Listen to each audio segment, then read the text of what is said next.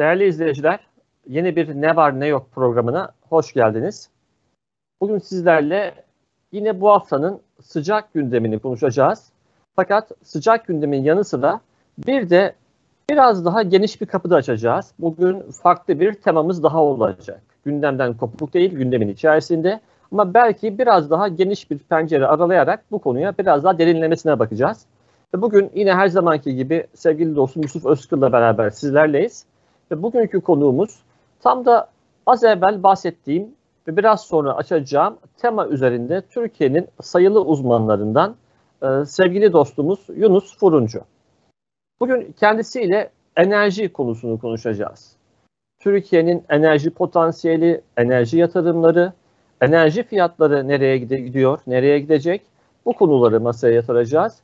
Ve kendisi bu konularda bizi aydınlatacak. Kendisinin enerji üzerine önemli yayınları var. Yunus Furuncu Kocaeli Üniversitesi'nde hali hazırda öğretim üyesi kendisi. Enerji üzerine Türkiye'nin önemli uzmanlarından birisi. Eğitimini lisans ve yüksek lisansını Viyana Üniversitesi'nde tamamladı. Züce Üniversitesi'nde doktorasını tamamladıktan sonra da bugün itibariyle Kocaeli Üniversitesi'nde öğretim üyesidir. Tabii enerji büyük bir konu, mühim bir konu Türkiye açısından çok stratejik bir konu ve son yıllarda çok da Türkiye'nin üzerine titrediği, önemli adımlar attığı bir konu. Bu açıdan önemli. Fakat bu haftanın bir diğer çok önemli sıcak gelişmesi daha var. O gelişmede Kuzey Irak'ta gerçekleşmekte. Ee, TSK, Türk Silahlı Kuvvetleri, Kuzey Irak'ta PKK'nın kontrolünde olan, PKK'nın maalesef uzun bir süredir at koşturduğu bir bölgeye çok ciddi bir harekat başlattı. Pençe Kilit Harekatı. Tabi bu son birkaç yılda devam eden harekat silsilelerinin bir sonraki adımı. Yani her harekatta biraz daha bölgede derinleşen, biraz daha genişleyen bir Türk Silahlı Kuvvetleri kontrolü vardı. Umuyoruz ki bu harekat oradaki PKK varlığını daha da gerilere itecek ve belki o son adımı atmadan önceki son adım olacak ondan bir önceki adım olacak belki de. Bu anlamda e, gündemin sıcak bir e, gündemi de, bir gündemin sıcak bir konusu da bu harekat olacak. Onu da konuşacağız sizlerle beraber. Tabii harekat demişken maalesef e, ilk şehit haberimiz geldi. Umarız e, son olur. E, umarız benzer bir haber duymayız. E, Muharebe Üsteğmeni e, Ömer Delibaşı e, kaybettik. Şehit oldu kendisi harekatta. Ee, kendisinin ailesine e, başsağlığı diliyoruz. Ee, Ömer Delibaş'a Allah'tan rahmet diliyoruz. Ve inşallah benzer haberler duymayız. İnşallah yeni bir şehit haberi, yeni bir gazi haberi gelmez bu harekattan. Dedikten sonra e, ilk konumuzla, enerji konumuzla başlayacağız. Sevgili Yunus, bu arada Yunus sana hiç Yunus hocam demeyeceğim çünkü e, yıllardır süren bir hukukumuz var. O yüzden direkt Yunus'la hitap etmeyi tercih edeceğim sana bu programda. Yani program dışında nasıl konuşuyorsak programda da öyle konuşacağız. Öyle söyleyeyim açıkçası. Yunus, e, uzun yıllardır enerji üzerine yazdın, çizdin. Bizler de senin yazdıklarından konuyu takip ettik, öğrenmeye çalıştık. Ama ilk sorum biraz daha Türkiye'nin enerji potansiyeli üzerine olacak. Şimdi mesela haberlerde çok olumlu bazı e, başlıklar görüyoruz. İşte Karadeniz gazından bahsediliyor. İSMET yani e, şu an itibariyle Türkiye'nin tabiri caizse çöpe attığı ama doğalgaz e, Akdeniz'deki doğalgaz rezervlerini Avrupa'ya taşıyacak bir projeydi. Belki o projeye Türkiye'nin bir şekilde dahil olacağı ya da ona alternatif bir proje gerçekleştireceği konuşuluyor. Ama hali hazırda Akdeniz'de ciddi bir doğalgaz rezervi var. Bunu da biliyoruz. Yani Karadeniz e, gazı hali hazırda zaten bizim çıkarma yetkimiz olan ve bunun sorgulanmadığı, anlaşmazlık olmadığı bir alanda. Ama Akdeniz'de de haklarımız var. Orada da gaz var. Kaldı ki bunun yanı sıra son zamanlarda Türkiye'nin enerji kaynaklarını çeşitlendirdiği söyleniyor. Hem enerji satın aldığı ülkeler bakımından hem de yenilenebilir enerjiye daha çok yatırım yapması, buradan daha çok üretim yapması adına özellikle rüzgar ve güneş enerjisi baş, başlıklarında. Şimdi tabii çok fazla başlık var burada ama ilk girizgah bakımından enerji fakiri bir ülkemiz e, enerji potansiyelimiz nedir? E, ve tabii e, bize de Türkiye'nin bir enerji haritasını, bir enerji resmini çizebilir misin? Öncelikle teşekkür ediyorum beni çağırdığınız ve konuk ettiğiniz için. Ee, Hüseyin senin de söylediğin gibi aslında bizim eski bir hukukumuz, bir e, dostane bir ilişkimiz var. E, programın da bu şekilde, bu atmosferde süreceğini e, tahmin ediyorum, istiyorum. E, giriş olarak şöyle bir cümle kullansam, aslında bizim enerjide hangi boyuta geldiğimizi biraz daha izleyicilerimiz e, kafalarında yerine oturtabilecekler. Çünkü Türkiye e, son yapılan e, rezervler, bulunan rezervlerden önce Türkiye'nin fosille ilgili çok fazla bir kaynağı olmadığı için e, Türkiye işte baktığımız zaman petrolün yüzde 99'u, pardon e, doğalgazın yüzde 99'u, petrolün yüzde 93'ü ve e, portföye baktığımız zaman da Türkiye'nin enerjisinin yüzde 70'i ithal bağımlı. Yani dışa bağımlı olduğu için Türkiye bu açıdan uluslararası arenada fiyatların artmasıyla tabii iç piyasada fiyatlar artmakta. Bu da e, vatandaşlara olumsuz yansımakta. E, işte hep e, birçok insanın arabası var. E, benzin istasyonuna gittiği zaman oradaki e, fiyatları e, işte uluslararası piyasalara e, artmasına göre fiyatların arttığını görmekteler. Ama Türkiye bu noktada ne yaptı, ne, yap, ne yapıyor? E, bu önemli e, eksikliği gidermek için öncelikle Türkiye uluslararası projelerde yer almaya başladı. İşte bunlara baktığımız zaman Bakü, Tiflis, Ceyhan boru hattı e, olsun, TANAP olsun, Türk akımı olsun, Türkiye'nin e, kendi konumunu kullandırarak, kendi konumunun avantajıyla e, bu projelere ortak olduğu ve e, enerji enerjiyi kontrol etmeye başladığı e, projeler olarak görmekteyiz. E, buna tabii e, nükleer enerjiyi de eklememiz gerekiyor. Son zamanlarda nükleerle ilgili önemli çalışmalar yapıldı. 2023 yılında ilk nükleer santral e, devreye alınacak. E, tabii e, son zamanlarda gördüğümüz e, yenilenebilir enerjide önemli atılımlar yapıldı. Türkiye bu anlamda dünyada 12. Avrupa'da 5. sırada yer almakta. Yenilenebilir enerjinin gelmiş olduğu nokta açısından önemli aslında. Tabii Türkiye yenilenebilir enerjinin e, daha fazla potansiyeline sahip olduğu için birçok projede e, hali hazırda devam ediyor. İşte bu sene içerisinde işte rüzgar ve güneşle ilgili GEKA projeleri kapsamında ihaleler düzenlenecek ve bunlar e, yatırıma hızlı bir şekilde dönüştürülecek. Yani sadece rüzgara rüzgar olarak e, bakmayan Türkiye bugün enerjisinin e, yıl ortalamasına göre yüzde onunu rüzgardan elde eden bir Türkiye artık karşımızda. Tabii bu e, projeler sadece e, enerji üretimi anlamında değil, ekipman üretimi anlamında da Türkiye'nin e, birçok noktada gerileştiğini görmekteyiz. Projeler bazında baktığımız zaman Türkiye yüzde yetmiş... Araya girip bir şey merak ettim. Hiç konusu geçmeden onu da bir sormak istiyorum. Bu yenilenebilir enerji bakımından yani güneş ve rüzgar dedin. Bunların bir üst limiti var mı? Mesela Türkiye tüm enerjisini herhalde rüzgar ve güneşten karşılayamaz. Ama ne kadar daha büyütebilir? Bunun potansiyeli daha var mı önümüzde yoksa yavaş yavaş limitlere geliyor muyuz? Bu da bir parantez As- olarak sormak istedim. Evet, yani burada aslında Türkiye'ye baktığımız zaman kıyı kesimlerde, rüzgarın şiddetli olduğu yerlerde e, oldukça fazla potansiyel var.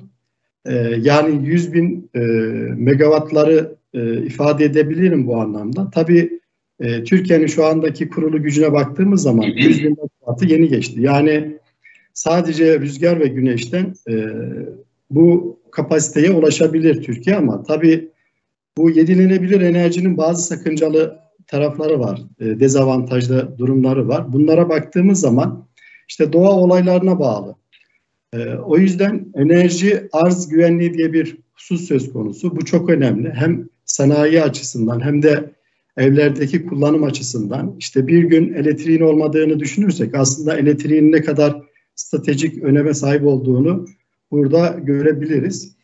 E, bu noktadan baktığımız zaman aslında Türkiye Almanya ile karşılaştırılır e, e, güneş anlamında. E, aslında Türkiye Almanya'dan daha fazla güneş almasına rağmen hala biz Almanya'nın gerisindeyiz e, güneş panelleri açısından. Tabii bu da e, pazarın daha fazla potansiyele sahip olduğunu ve bu potansiyelin de işte devletin aslında burada iki tane me- mekanizması var. Yektem daha önce ortaya koymuş olduğu bir e, yenilenebilir enerjinin Türkiye'de artırılması e, ve yenilenebilir enerji teknolojileri geliştirilmesiyle alakalı bir e, mekanizmaydı. Daha sonra YEKA'ya geçildi. YEKA daha büyük potansiyelleri barındırıyor. Yani 1000 megawattlık projeler, işte 100'er megawattlık, 20'şer megawattlık e, dilimlere bölünerek ihaleler yapılıyor ve bu ihalelerle beraber Türkiye'nin kurulu gücüne e, yenilenebilir enerjiler e, katılmaya devam ediliyor bu noktada. Tabii yenilenebilir enerji neden önemlidir? Biraz önce bahs e, bahsettiğim gibi Türkiye'nin e, yüzde yetmişi dışarıdan tedarik ettiğimiz için bunu yerli kaynaklardan ne kadar daha fazla üretirsek Türkiye'nin e, enerji güvenliği o kadar sağlam temeller üzerinde olacaktır. Bu bakımdan yenilenebilir enerji e, sadece Türkiye'de işte ekipmanların yüzde yetmişi değil. Bugün baktığımızda sadece rüzgarda 15 binden fazla çalışanı e, olan işte 43 ülkeye ihracat yapan bir sektör haline geldi. Bu sektörün e, e, önümüzdeki zaman diliminde büyümesi hedefleniyor. Çünkü Türkiye'nin şöyle bir stratejisi var. 2053 yılında emisyonları sıfırlama stratejisi. Tabii bu yenilenebilir enerji kaynaklarının artmasıyla mümkün olacak bir durum. Tabii sadece Türkiye değil, dünya bu şekilde bir strateji ortaya koydu. Avrupa Birliği başta olmak üzere dünya aslında e, emisyonları tamamen ortadan kaldıracak bir strateji e, çizdiğini ve bu strateji bağlamında yenilenebilir enerjinin de e, yatırımlarının e, artmaya başladığını söyleyebiliriz.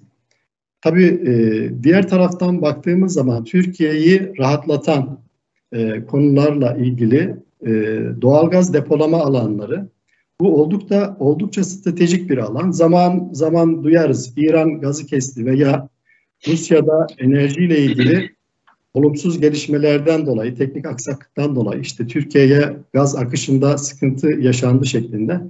Tabii burada oldukça stratejik öneme sahip doğalgaz depolama alanları. E, Türkiye'nin bu anlamda 2023 yılında tüketiminin %20'sini doğalgaz depolarında e, karşılayacak bir e, kapasiteye ulaşacağını da söyleyebiliriz.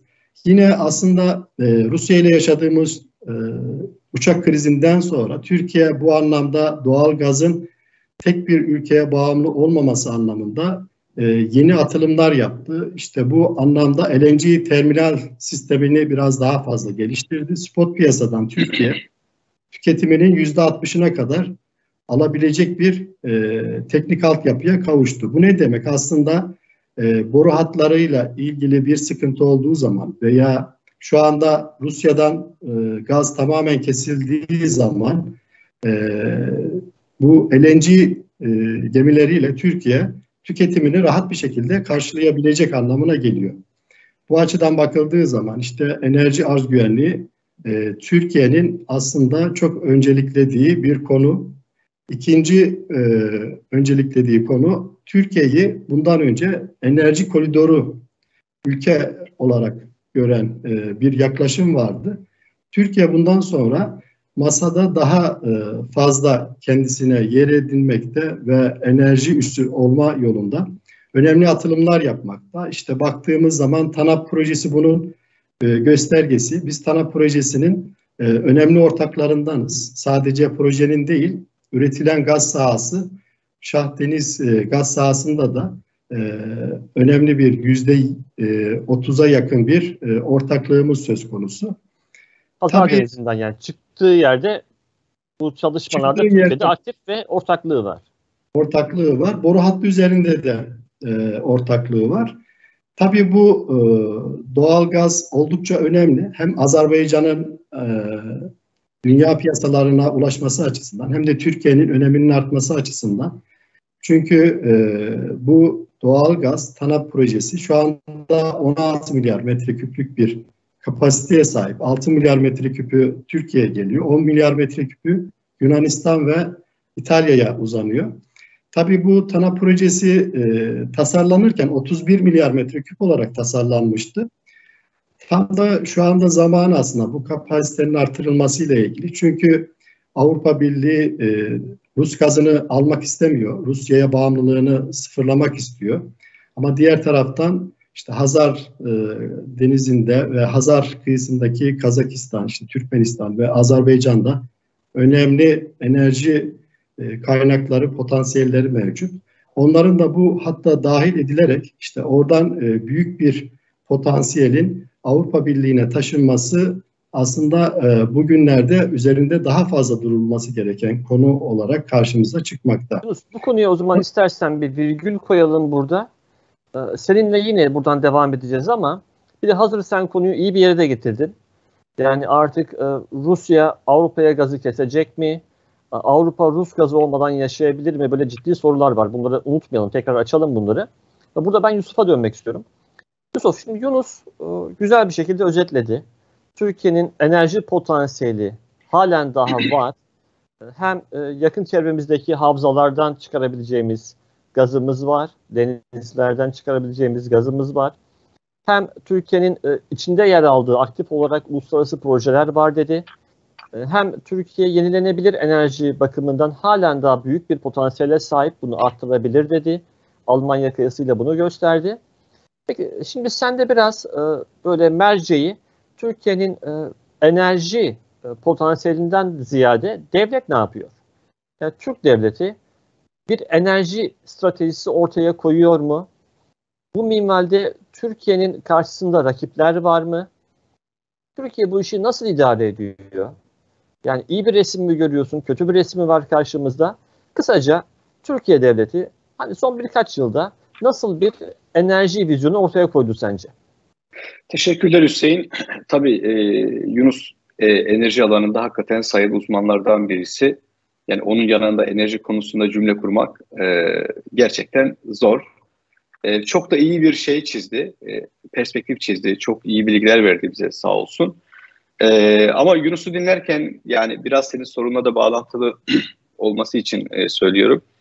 Hep şunu düşündüm yani keşke şu petrol konusunda Türkiye biraz e, ayakları yere basabilen bir potansiyelde olsaydı. Hani belki yüzde yüz değil ama yani petrolde yüzde 99 dışarı bağımlı olmasak da e, Yunus Hoca'nın söylediği gibi 93 mü söylemiştin 99 mu? 93 değil de hani yüzde 50'lerde belki bu olsaydı Türkiye çok daha farklı e, bir durumda olabilirdi. Yani biz tabii tarih boyunca hani çocukluğumuzdan bu yana bildiğimiz o işte Türkiye'de petrol kuyuları vardı ama bu petrol kuyularına işte e, yabancı ajanlar tarafından önce tespit edildi. Sonra da bir şekilde buralara e, beton döküldü. Betonlarla kapatılmış petrol kuyuları efsanesiyle büyümüş bir kuşağız biz aslında. Yani aslında var ama hani bu şey gibi Lozan 100 yıllık bir anlaşma 2023'te bitecek ve bitince de işte görün bakın neler olacak. Ee, Türkiye'de de petrol kuyuları var ve üstüne beton döküldü. Ee, bu bunu yani şöyle alt kademelere indiğimizde hani biraz daha böyle sosyoloji olarak söylüyorum. Bu bu inanç hala çok geçerli. Yani bu bu yaygın bir inanç.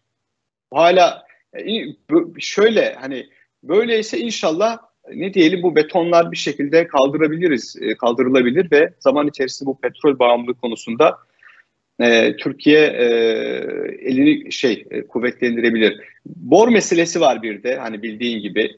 Yani bor konusunda da Türkiye için çok ciddi e, ciddi kaynaklara sahibiz aslında. Hani dünyanın gelecekte işte en fazla ihtiyaç duyacağı e, enerji işte ham maddelerinden birisi olarak hani bor e, konuşulur ve bizim de yine o konuda yapmamız gerekenleri yapmadığımıza dair bir takım şeyler söylenir eski e, eskiden bu yana.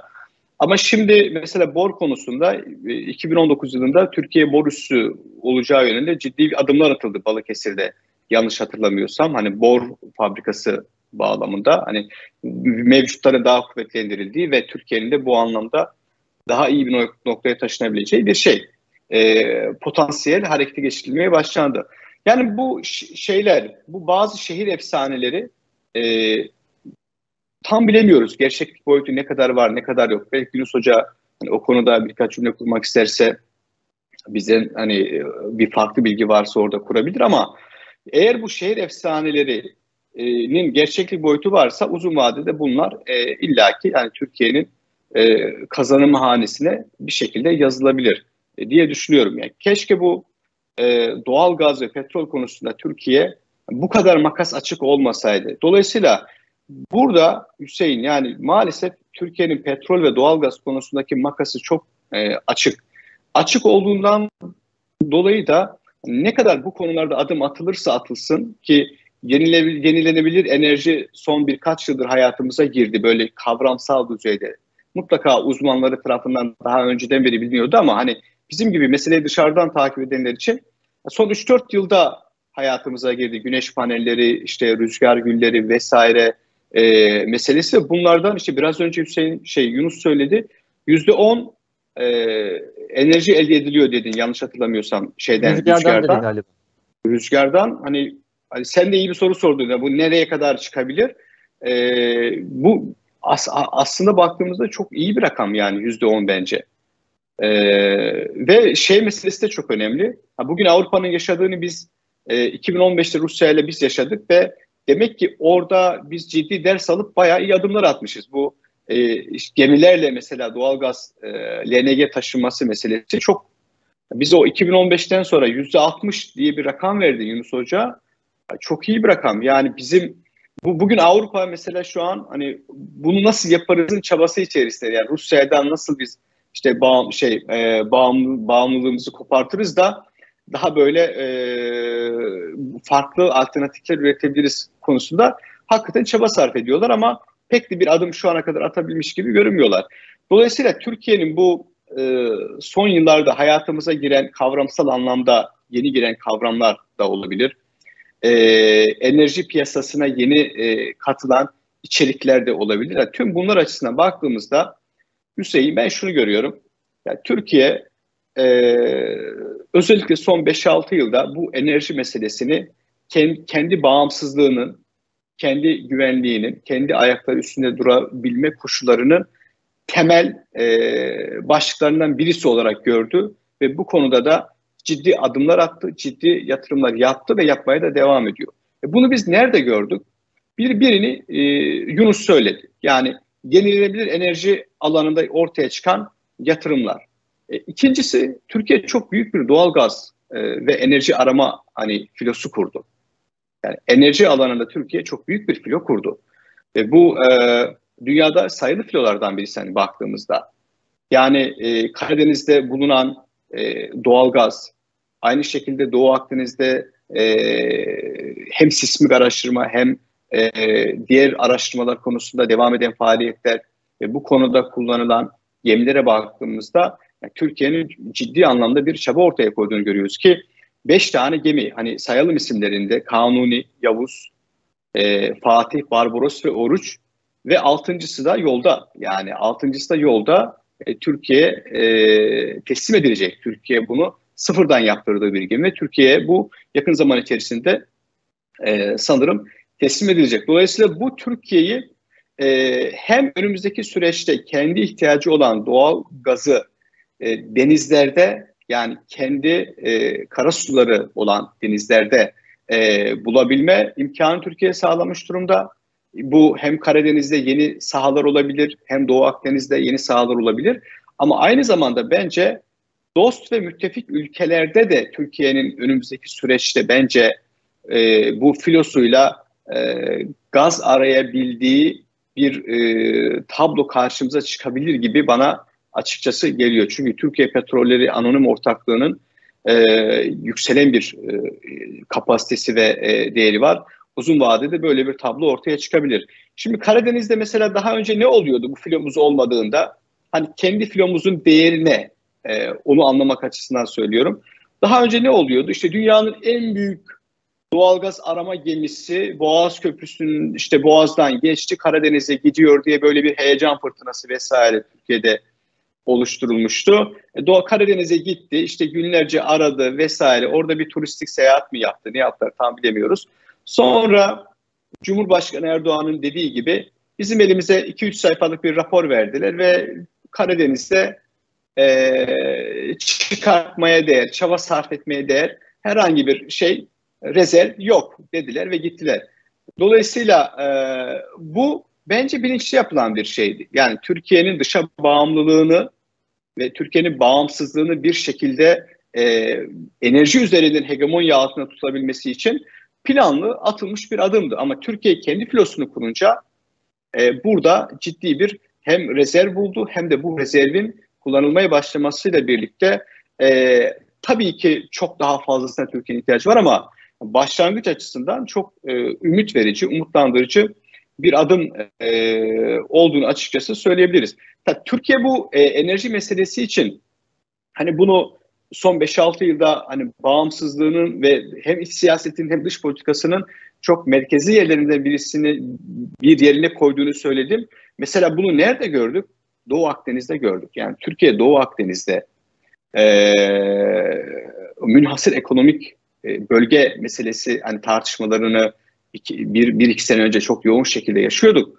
E, Türkiye'nin bir Libya'ya e, Libya'daki Trablusgarp işte e, hükümetini ayakta tutmak için bir desteği olmuştu. Yani bir oraya bir e, askeri destek ve oradaki e, BM tarafından tanınan hükümetin yıkılmam, yıkılmasını engellemek için bir şey e, adım atılmıştı. Ama bu sadece o zaman da bunları konuşmuştuk. Sadece Libya'daki bu hükümetin düşmesini engellemek için atılmış bir adım değildi. Bu aynı zamanda Türkiye'nin Doğu Akdeniz'de e, enerji e, rezervleri bağlamında e, dışlanmasını engellemek için atılmış bir e, adımdı. Ve Türkiye Libya ile o e, münhasır ekonomik bölge anlaşmasını yaparak e, İsrail'in, Mısır'ın, Yunanistan'ın, Güney Kıbrıs Rum kesiminin, Fransa'nın ve Amerika'nın ki onların arkasında olarak söylüyorum, ortaya koyduğu İsmet projesini Türkiye o müdahalesiyle çöpe attı. Ama bu çöpe atarken Türkiye e, dara girmedi mi, zora girmedi mi, köşeye sıkıştırılmaya çalışılmadı mı? İşte bizim gemilerimizde Fransız gemileri denizde karşı karşıya e, Doğu Akdeniz'de gelmedi mi? Hepsi oldu. Zor süreçler yaşamadık mı? Yaşadık. Ama sonuçta ne oldu? Türkiye Doğu Akdeniz'de İsmet projesi bağlamında başarılı oldu ve bu projenin e, çöpe atıldığını resmen Amerikalılar geçtiğimiz aylarda e, açıkladılar. Dolayısıyla zaman zaman Türkiye bu enerji konusunda kendi haklarını, hukukunu e, korumak için e, hani e, tabiri caizse bazı ülkelerle e, askeri anlamda da karşı karşıya gelmeyi göze aldı ve o gerginliği, gerilim yaşadı. Ve sonuçta Türkiye açısından savunma sanayi ne kadar stratejik bir önemde ve ona yatırım yapıldıysa, e, sağlık ne kadar stratejik önemde ve ona ciddi yatırımlar yapıldıysa, e, aynı şekilde Türkiye e, enerji alanında da ciddi yatırımlar yaptı ve bunun da sonuçlarını yavaş yavaş e, almaya başladı diyebiliriz e, Hüseyin. Teşekkürler e, Yusuf. Ve tam da e, Yusuf'un bıraktığı yerden tekrar ben Yunus'a e, döneceğim. Şimdi e, Yunus, e, Yusuf diyor ki yani Türkiye e, aynen senin bıraktığın yerden devam etti orada.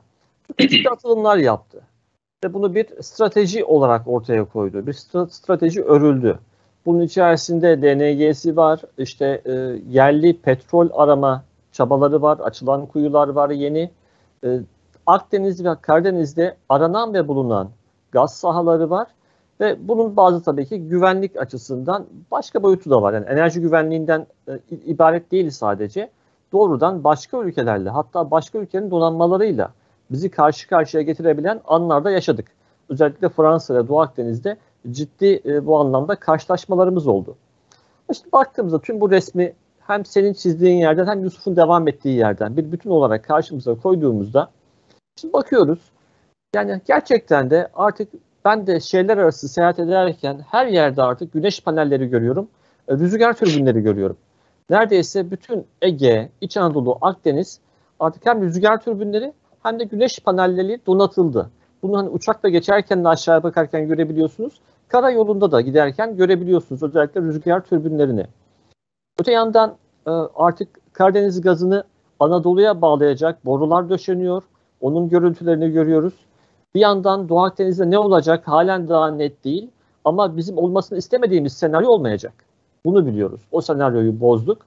Öte yandan da Yusuf'un e, söylediği bir durum daha var. O da şu. Artık şehir efsanesi mi yoksa gerçek mi ben bunu sana sormak istiyorum.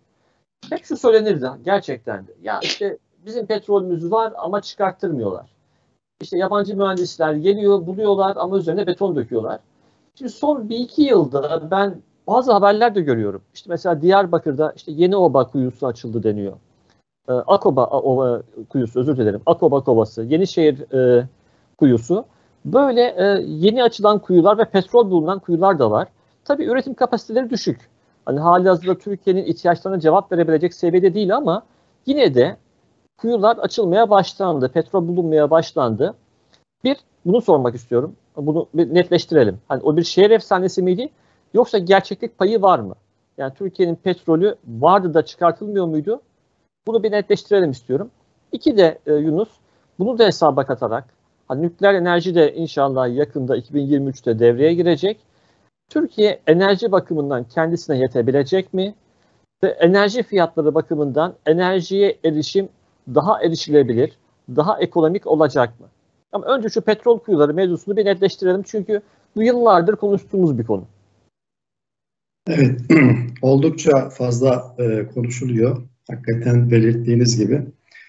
Aslında burada e, şunu tespit edelim. Yani şunu söylemek gerekirse Türkiye petrolleri 1954 yılından itibaren sondaj ve arama faaliyetlerine başladığını görmekteyiz.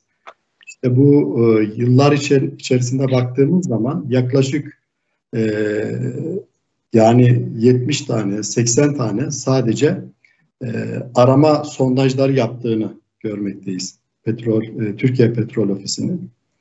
Ama e, neticede bazı yerlerde petrol bulunuyor sizin dediğiniz gibi. Bazı yerlerde bulunamıyor.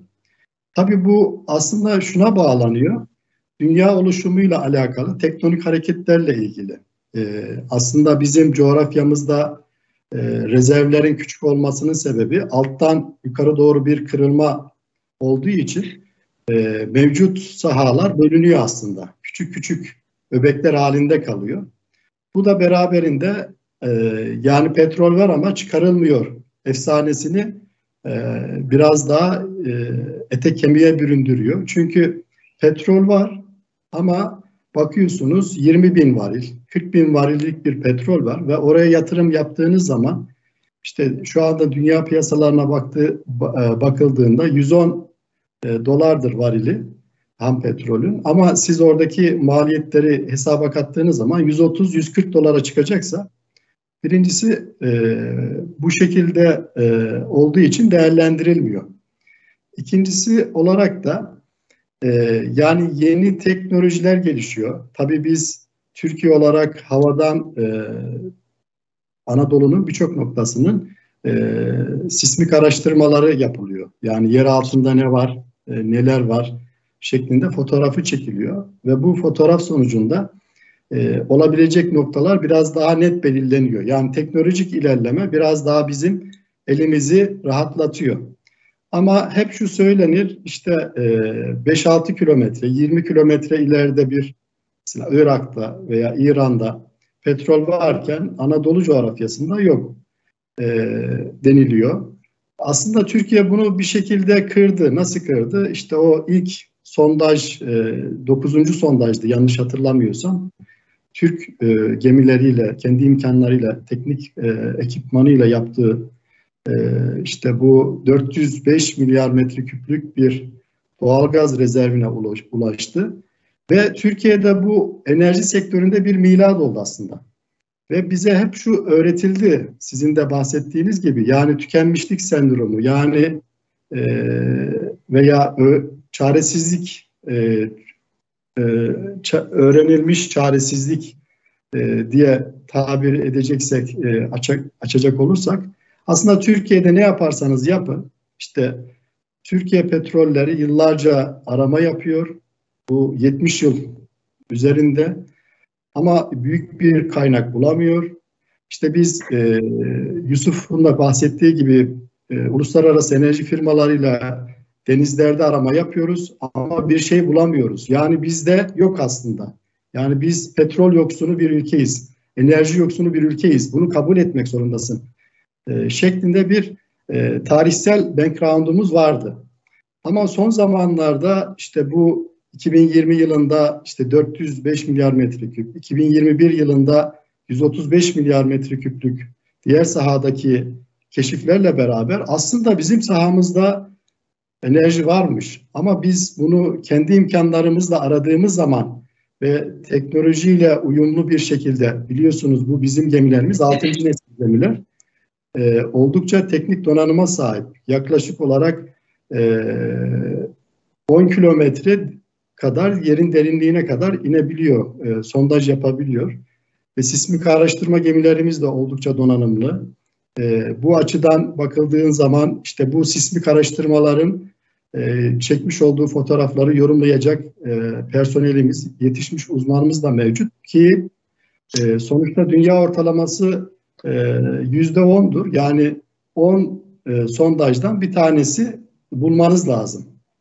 Biz de bunu yaşadık. Yani 9. sondajda ilk kendi ekipmanlarımızla yapmış olmamıza rağmen oldukça başarılı bir e, flomuz, başarılı bir e, teknik personelimizin olduğunun altını çizmemiz gerekiyor.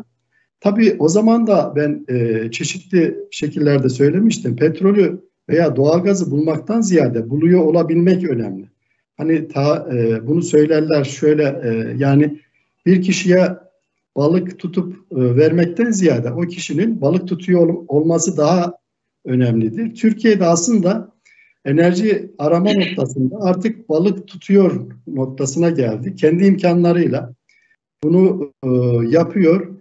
E, sahadaki bunun karşılığını aldıkça bu anlamdaki ekipmanını işte 6. gemi yolda geliyor. Büyük bir ihtimal 7. 8. de e, devam edecektir. Çünkü Sayın Cumhurbaşkanımız da çeşitli e, şekillerde bu Afrika ve Asya'daki liderler bir araya geldikleri zaman onlar da aslında Türkiye'den bunu istiyorlar. E, Türkiye gelsin işte bizim bu e, alanımızdaki, karasularımızdaki alanda petrol arasın diye birçok panelde, görüşmede ben bunları gördüm.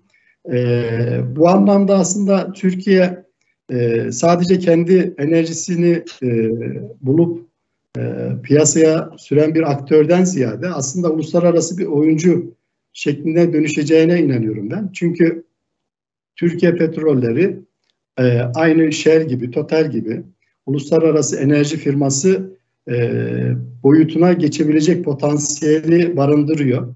Hem teknik e, elemanın yetişmesi açısından hem de e, teknolojiye erişim noktasında e, önemli bir noktada olduğunu e, söyleyebiliriz. E, diğer sorunu e, alacak olursak... Bir hatırlatayım istersen belki izleyiciler de e, hafızalarını tazelemek isterler. Tabii iş artık e, belki de en vatandaşı doğrudan günlük hayatta ilgilendiren kısmı. Malum hani e, doğal gaz, bununla bağlantılı olarak elektrik, e, benzin, mazot fiyatlar dünya genelinde de bizde de uçuşa geçti. Bunu tabii biz küresel piyasaları belirleyemeyiz. Hani onu küresel dinamikler belirliyor ama bizim bu nükleer yatırımımız yahut da az evvel Yusuf'un bahsettiği bor yatırımı, bu yenilenebilir enerji yatırımları, yeni gaz sahaları, yetersiz de olsa yeni açılacak kuyular, bu enerji fiyatlarında Türkiye'deki Türk kullanıcıların bu dertlerine biraz derman olabilir mi kısa vadede? uzun vadede de çözüm olabilir mi?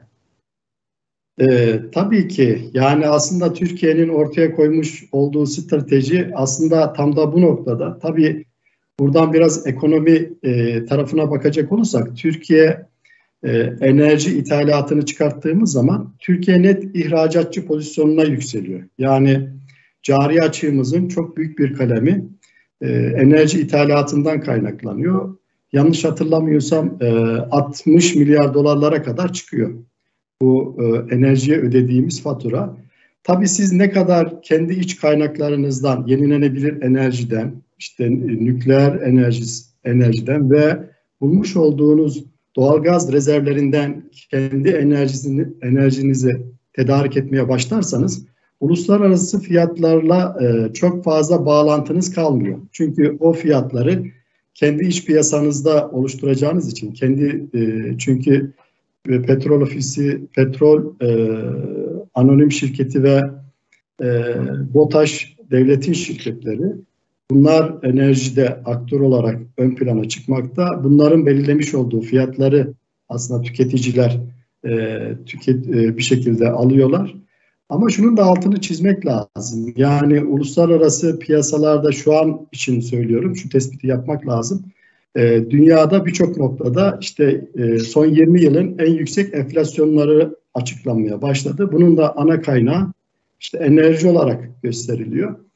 Tabii bu enerjinin yüzde yetmişi şu anki fotoğrafta diyorum e, Türkiye yurt dışından aldığı için e, yurt dışından dolarla aldığımız bir e, kaynağı yurt içinde de e, bu şekilde yani bu e, fiyatla e, satılması gerekiyor.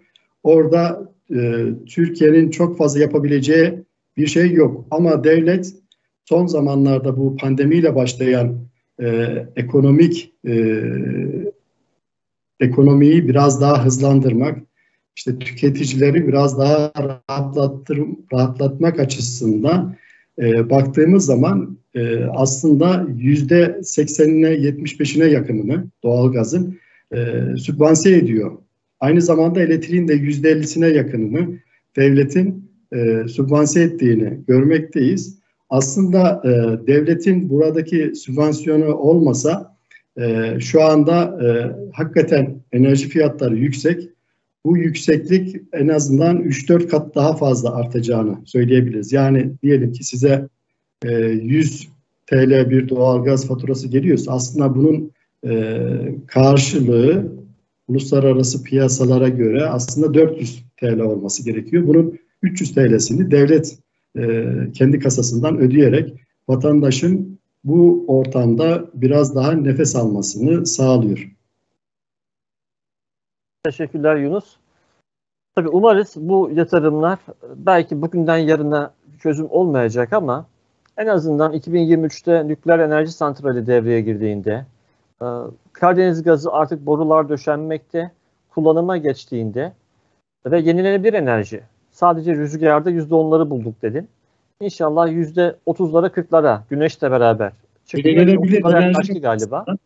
Orada parantez açacak olursak yani e, elektriğin e, bazı günlerde %60'ına kadar çıkıyoruz. Bundaki işte en etkin e, faktörlerden biri hidrojen, e, hidroelektrik santralleri, jeotermal santralleri, rüzgar ve güneş santralleri topladığımızda zaman zaman e, gün içerisinde yüzde 60 e, elektriği üreten bir portföy haline gelmekte. Bu anlamda baktığımız zaman tabii yenilenebilir enerjinin gelmiş olduğu potansiyeli e, görmekteyiz. Tabii yani bunlar çok e, ümit verici haberler. Çünkü hakikaten de baktığımızda yani rüzgarın hareketinden bedava.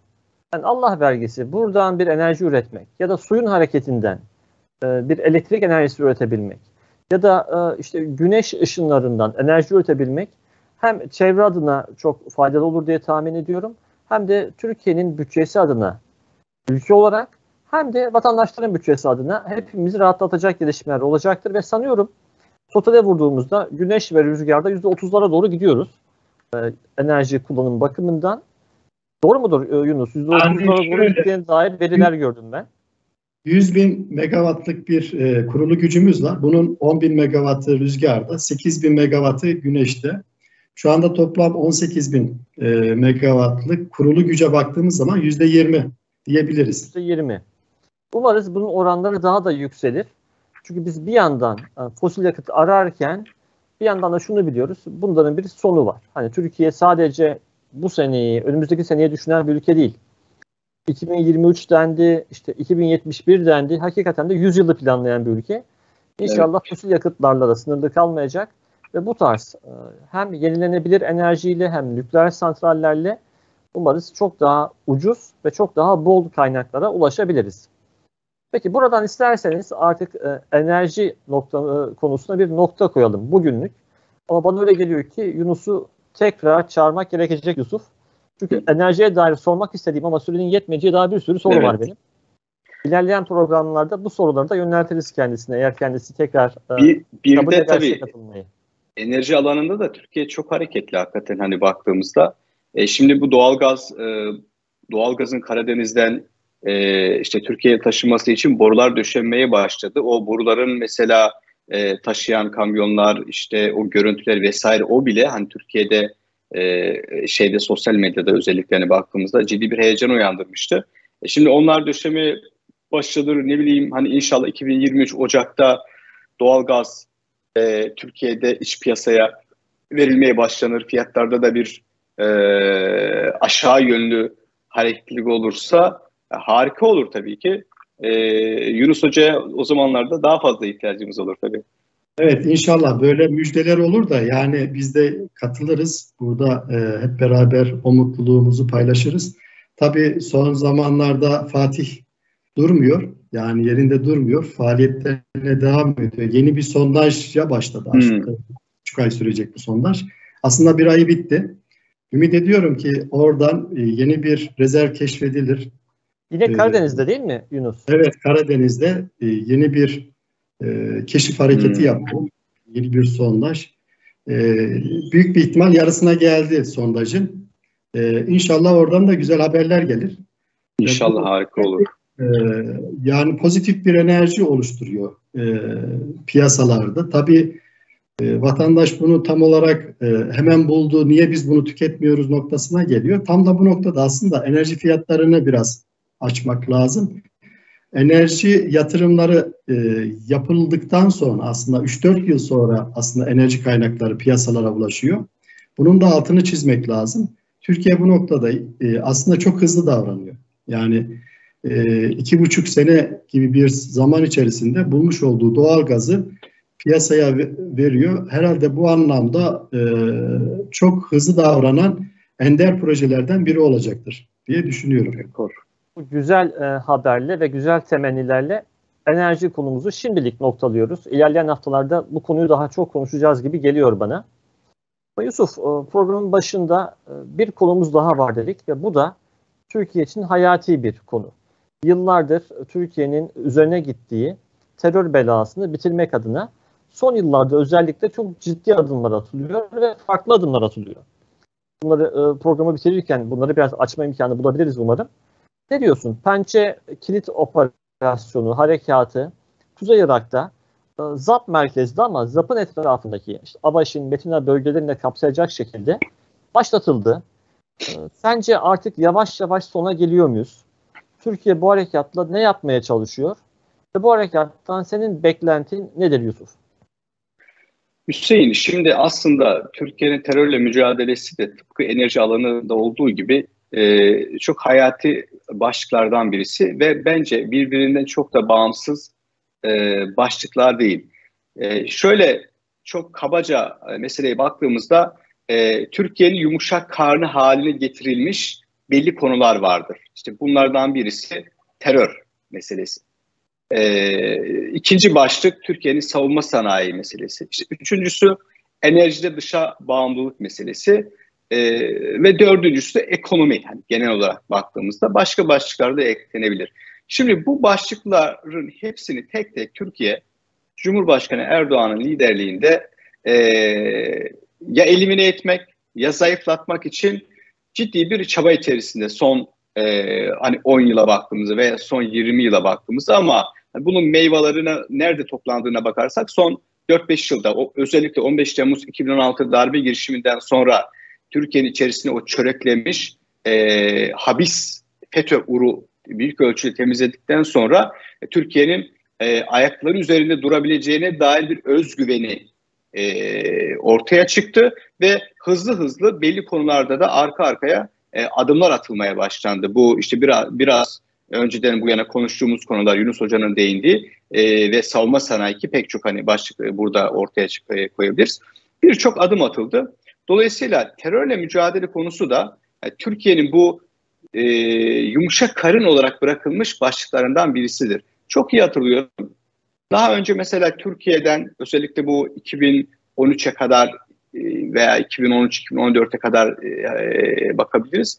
Ne zaman Cumhurbaşkanı Erdoğan önemli bir yurt dışı ziyaretine gidecek olsa ki o zaman Başbakan Amerika'ya olabilir, Avrupa'ya olabilir. Türkiye'de büyük bir terör saldırısı oluyor. E, Türkiye yurt dışına giderken yani Cumhurbaşkanı ya uçağa binecekken ya da uçaktayken ya da gideceği ülkeye inecekken onlarca şehidimizin olduğu saldırılar gerçekleşiyordu ve e, başbakan gideceği yere biraz böyle e, yardıma muhtaç bir kişi gibi gidiyordu yani psikolojik olarak. Ve hepsi oradan Türkiye'nin bütün temel meseleleri bir kenara bırakıp orada dondurup işte başınız sağ olsun Türklerin acısını paylaşıyoruz, taze ediliyoruz vesaire gibi o bir timsah gözyaşı dökme seansı e, ortaya çıkıyordu. Ama biliyoruz ki bu bir şey, konsorsiyum ve orada birileri kendilerine verilen işi yapıyorlar. Dolayısıyla bu terör Türkiye için büyük bir yumuşak karındı. Hem PKK anlamında hem bizim aslında e, Türkiye'nin vaktinde fark edemediği e, FETÖ anlamında hani çok büyük bir yumuşak karın ki içeriden e, bir ihanet şebekesi. Hani hatırlayalım Türkiye sınır ötesi harekata ne zaman başlasa e, FETÖ'cü askerler yani askerinin içindeki FETÖ'cü e, alçaklar e, bir şekilde telefonla vesaire PKK'ya haber verip o unsurların oradan uzaklaşmasını sağlıyorlardı. Bunu da e, FETÖ'cü bazı e, isimler e, yargıya verdikleri ifadelerde açıkladılar. Oradan hani e, biliyoruz. Dolayısıyla bu yumuşak karınları, bu habis urları Türkiye'nin bir şekilde e, çökertme sürecine girdiğini görüyoruz son 5-6 yılda. FETÖ büyük ölçüde devletin içine elimine edildi, e, sınırlandırıldı. E, hala belli FETÖ'cüler olabilir ama bu mücadele devam ediyor. E, diğer taraftan baktığımızda PKK'ya yönelik operasyonlarda e, çok büyük hamleler yapıldığını görüyoruz ve bu en son Pençe Kilit e, harekat e, operasyonu da bu e, operasyonların devamı. 2019'da başlayan Pençe Kartal e, e, operasyonunun bir devamı olarak karşımıza durduğunu görüyoruz. Türkiye burada neyi amaçlıyor? Baktığımızda Türkiye kendi sınırlarını özellikle Suriye ile İran arasındaki 375 kilometre civarındaki o Irak sınırını e, terörden arındırarak temizleme çabası içerisine girmiş durumda. E, bunun da buradaki hedefte e, sınırda güvenliği sağlamak ve terörü yatağında yok etmek. Ve Türkiye'nin sınırları dışında terörü yatağında yok etme çabası olduğunu görüyoruz. Bu Pençe Kartal operasyonları ile birlikte başlayan süreçte belli bölgelerde saha tutma konusunda önemli adımlar atıldığını biliyoruz. İşte Haftanin olsun, Metin olsun, Avaşin olsun, Hakurk olsun. Ama bugünkü e, o, yani bugün devam eden operasyon ZAP bölgesine yapılıyor. ZAP bölgesi bu e, 2019'dan bu yana yapılan operasyonlarda nispeten daha PKK açısından korunaklı kalmış bir alan. Hakkari'nin tam karşısında e, arazi olarak zor bir coğrafya. Dolayısıyla bu PKK için işte e, üstlenebileceği, hareket e, halinde bulunabileceği, elemanlarını e, konuşlandırabileceği bir yer gibi e, kalmıştı. Dolayısıyla burayı da Türkiye e, aradan çıkartarak e, Kuzey yani Irak sınırını tümüyle güvenli bölge haline getirme çabası içerisinde bu operasyonun da amacı bu. Ama tabii ki bu burada kalmaz. E, PKK sürekli içeriye doğru itiliyor Irak'ta ve içerilerde de nereye giderse gitsin Türkiye'nin PKK'ya yönelik operasyonları oralarda da devam eder. Bütün bunlar neyi doğurdu? Nasıl bir sonuç ortaya çıkarttı? PKK terör örgütü Türkiye içerisinde e, eylem yapamama konumuna gelmiş durumda. Bakın yapmıyor demiyoruz. Yapamama konumuna gelmiş durumda ve e, bunun 5-6 yıl yani Türkiye'de bu durum mevcut durumun stabil hale gelmesinin psikolojik anlamda hem Türkiye açısından hem bölge insan açısından da çok ciddi sonuçları olacağını e, söyleyebiliriz e, Hüseyin. Teşekkürler Yusuf. Ben de bu temennilerine katılıyorum ve temenninin de ötesinde aslında burada ciddi bir analiz de var. Hakikaten de terörle mücadelede ortaya konulan bu eforu, mücadeleyi ve elde edilen başarıyı görebilmek mümkün. Umuyoruz tabi bu bahsettiğin üzere içeri doğru itilen PKK artık nereye giderse gitsin Kandil mi olur, Mahmur mu olur, başka bir yer mi olur? E, görüldüğü yerde, bulunduğu yerde ortadan kaldırılır ve bu terör defterini artık nihai olmak üzere kapatırız diyerek bugünkü programı da kapatmanın e, vakti geldi değerli izleyiciler. Ben e, bu vesileyle e, enerji konusunda bizleri aydınlatan ve ben e, çok önemli notlar da aldım bu arada. E, bilmediğim çok önemli konuları öğrenmiş oldum. Yunus'a çok teşekkür ediyorum e, bizi aydınlattığı için. Teşekkürler Yunus Yusuf'la e, katıldığın için. Yusuf'la tekrar haftaya haftanın gündeminde ne var ne yok da sizlerle birlikte olacağız.